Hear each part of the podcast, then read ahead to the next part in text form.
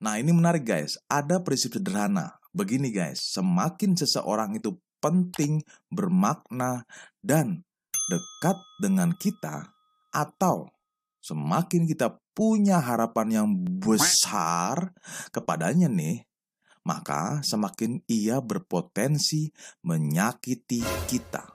Orang yang dapat menyakiti kita adalah orang yang dapat membahagiakan kita juga, guys. Ayo tebak siapa nih? Kira-kira orang yang dekat sama lo dan rawan yang menyakiti hati lo.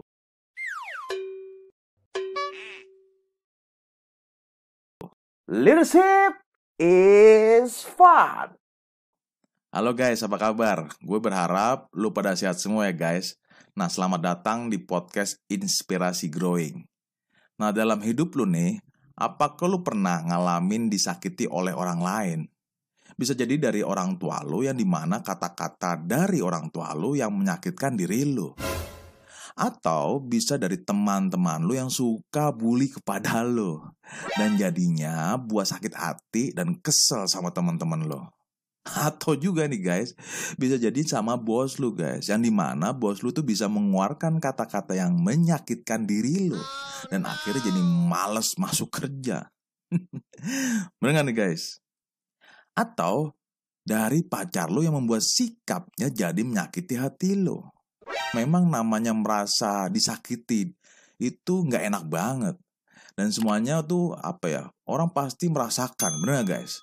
Tapi nih kalau sakit hati, malah lu menderita dalam seumur hidup lu. Nah, itu yang bahaya guys.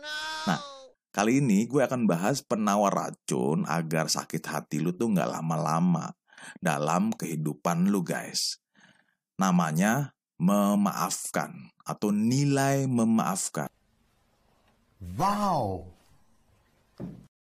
Nah, apa itu memaafkan dan bagaimana peran memaafkan sebagai penyembuhan dalam hidup lu guys?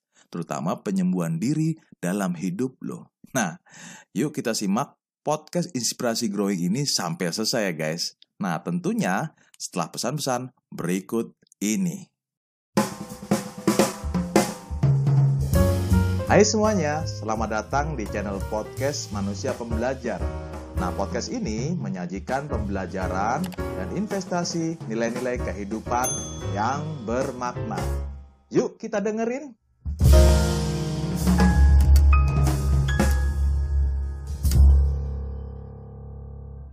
Sekarang kita bahas memaafkan dan keadilan. Jadi gini guys, pengampunan atau maafkan itu sepintas seperti kata biasa dan wajar. Bener kan guys? Nah, apalagi kita sering dengerin ajaran-ajaran agama kita masing-masing, ya kan? Nah, tapi kenyataannya itu nggak gampang. Kita ini cenderung mengedepankan prinsip keadilan daripada prinsip memaafkan. Sebenarnya ini menarik nih guys, karena salah satu hukum yang paling purba adalah gini nih mata dibalas mata, gigi dibalas gigi. Nah, setahu gue nih artinya gini guys. Kalau kita dirugikan oleh orang lain, maka wajarlah demi keadilan orang itu kan mendapatkan hukuman yang setimpal sebagai balasannya. Sehingga ada baiknya kita akan menegakkan keadilan. Benar nggak guys? Sebenarnya ada baiknya juga untuk menegakkan keadilan. Lah kenapa? Karena diharapkan adanya ketertiban di masyarakat terjaga dengan baik. Karena tanpanya adanya hukuman atau penegakan keadilan, maka hubungan masyarakat akan menjadi kacau balau. Bener kan guys?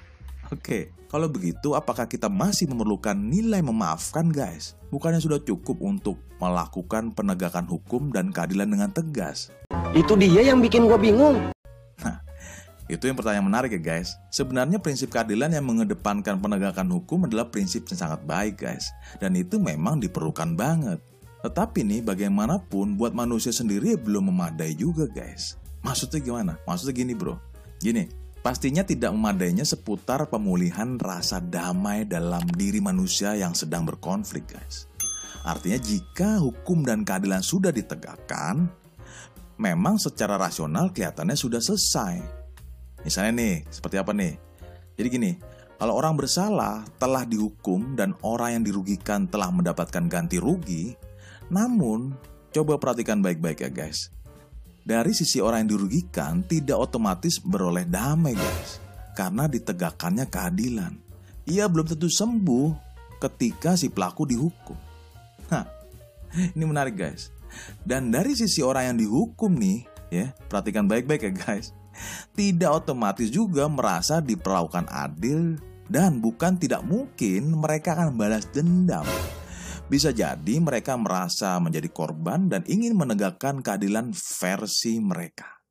Intinya bahwa penegakan hukum dan keadilan nih tampaknya memang bukan ditujukan untuk menghapus konflik dengan tuntas. Dan juga untuk memulihkan kembali relasi dengan baik guys. Nah, yang lebih mampu melakukan hal itu adalah nilai memaafkan. Pastinya guys, ini nggak mudah. Tapi kita akan latih. Gue sampai sekarang masih terus berlatih karena memang tidak mudah guys. nah, sekarang kita kupas apa itu nilai memaafkan. Nah ini menarik guys, ada prinsip-prinsip sederhana begini guys semakin seseorang itu penting, bermakna, dan dekat dengan kita, atau mungkin kita akan punya harapan yang besar kepadanya nih, semakin kita berpotensi menyakiti kita. Orang yang dapat menyakiti kita adalah orang yang dapat membahagiakan kita juga, guys. Ini menarik ya guys. Nah sekarang gini guys, ayo tebak siapa nih orang-orang yang dekat sama lo dan tentunya rawan yang menyakiti hati lo. I don't know. Bisa jadi dari orang tua lo, bisa jadi dari sahabat lo, bisa jadi dari mitra bisnis lo atau bos lo, atau nih bisa jadi dari pasangan hidup lo. Bener kan guys? Nah, menurut Michael Makalak, seorang pakar psikologi positif, pengampunan atau memaafkan adalah berkurangnya keinginan untuk menghindari orang yang pernah menyakiti kita. Dan berkurangnya keinginan untuk melukai atau membalas dendam ke arah individu tersebut. Dan juga nih guys, disertai dengan peningkatan belas kasih dan keinginan untuk bertindak positif ke arah orang yang menyakitinya. Nah, ini ada beberapa hal yang menarik dari pernyataan definisi ini guys, ya kan? Oke. Yang menarik gini guys, yaitu seputar balas dendam. Jadi wujud nyata tidak memaafkan alias menyimpan dendam guys. Ini sebenarnya nggak bagus untuk menyimpan dendam. Coba pada saat lu simpan dendam, apa yang lu rasakan guys? Nah, gimana rasanya guys? Nah, kalau gue pribadi, kalau gue nyimpen dendam nih, itu artinya merasa nggak tenang. Kemudian penuh kemarahan, penuh kebencian, dan kepala gue itu merasa pusing karena dendamnya tuh disimpan, bener kan guys? Nah, yang bahaya nih guys, jika dendamnya itu mendalam dan lebih berat, maka kecenderungan kita akan balas dendam. Nah bahayanya lagi nih, biasanya balas dendam akan lebih berat dibandingkan pelanggaran awal yang dialaminya. Benar kan guys? Nah, kalau kemudian ada tuntutan balas dendam dari pihak lain, maka akan terjadi korban pembalasan dan biasanya akan lebih kejam lagi guys. Jadi, bahayanya adalah balas dendam dapat memicu siklus balas membalas yang gak ada berhentinya dan malah memakan korban. Oh, hey! Lu sering lihat berita-berita itu kan guys, yang di mana terjadi korban nyawa akibat balas dendam. Lah itu kan jadi ngeri banget kan guys. Nah, wujud lain dari tidak memaafkan yaitu menghindar dari orang yang pernah menyakiti hati kita. Nah ini menarik guys, gue pernah dulu nih punya masalah relasi dengan bos gue juga nih. Jadi kalau gue nih kalau ketemu atau mau papasan dengan bos gue di jalan nih, gue langsung buru-buru cari jalan lain. Nah itu kan seperti kayak apa ya main kucing-kucingan ya kan. Nah itu tuh menarik guys. Tapi setelah gue baca konsep psikologi positif, jadi gue paham kenapa gue selalu menghindar dengan bos gue. Oke? Okay? Jadi jika kita ingin memutuskan tali relasi dengan orang itu dan membuangnya jauh-jauh dari dunia ini guys, sebenarnya itu merupakan suatu bentuk represi yang bukan sungguh-sungguh menyelesaikan masalah itu guys. Melainkan malah memperburuknya. Nah kita nih semakin kita membenci seseorang Maka kita akan semakin terikat secara emosional kepadanya guys Bisa jadi kita nih jadi nggak sadar malah bisa jadi akan menguras energi positif kita, kreativitas kita, atau bahkan mengganggu kesehatan fisik, terutama dalam mental kita, guys. Ini menarik banget kan, guys? Nah, di video berikutnya kita akan membahas peran penting belas kasih dalam proses memaafkan. Proses belas kasih seperti apa? Kita tunggu video berikutnya ya guys. Nah, jika lo mau diskusi atau ngobrol-ngobrol tentang nilai-nilai memaafkan, lo bisa hubungi tim growing.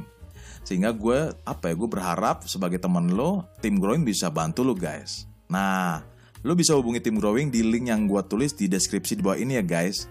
Itu saja pembelajaran buat lo dan gue. Semoga podcast Inspirasi Growing hari ini bisa bermanfaat ya guys. Oke, salam growth mindset Indonesia. Dan salam persatuan Indonesia maju.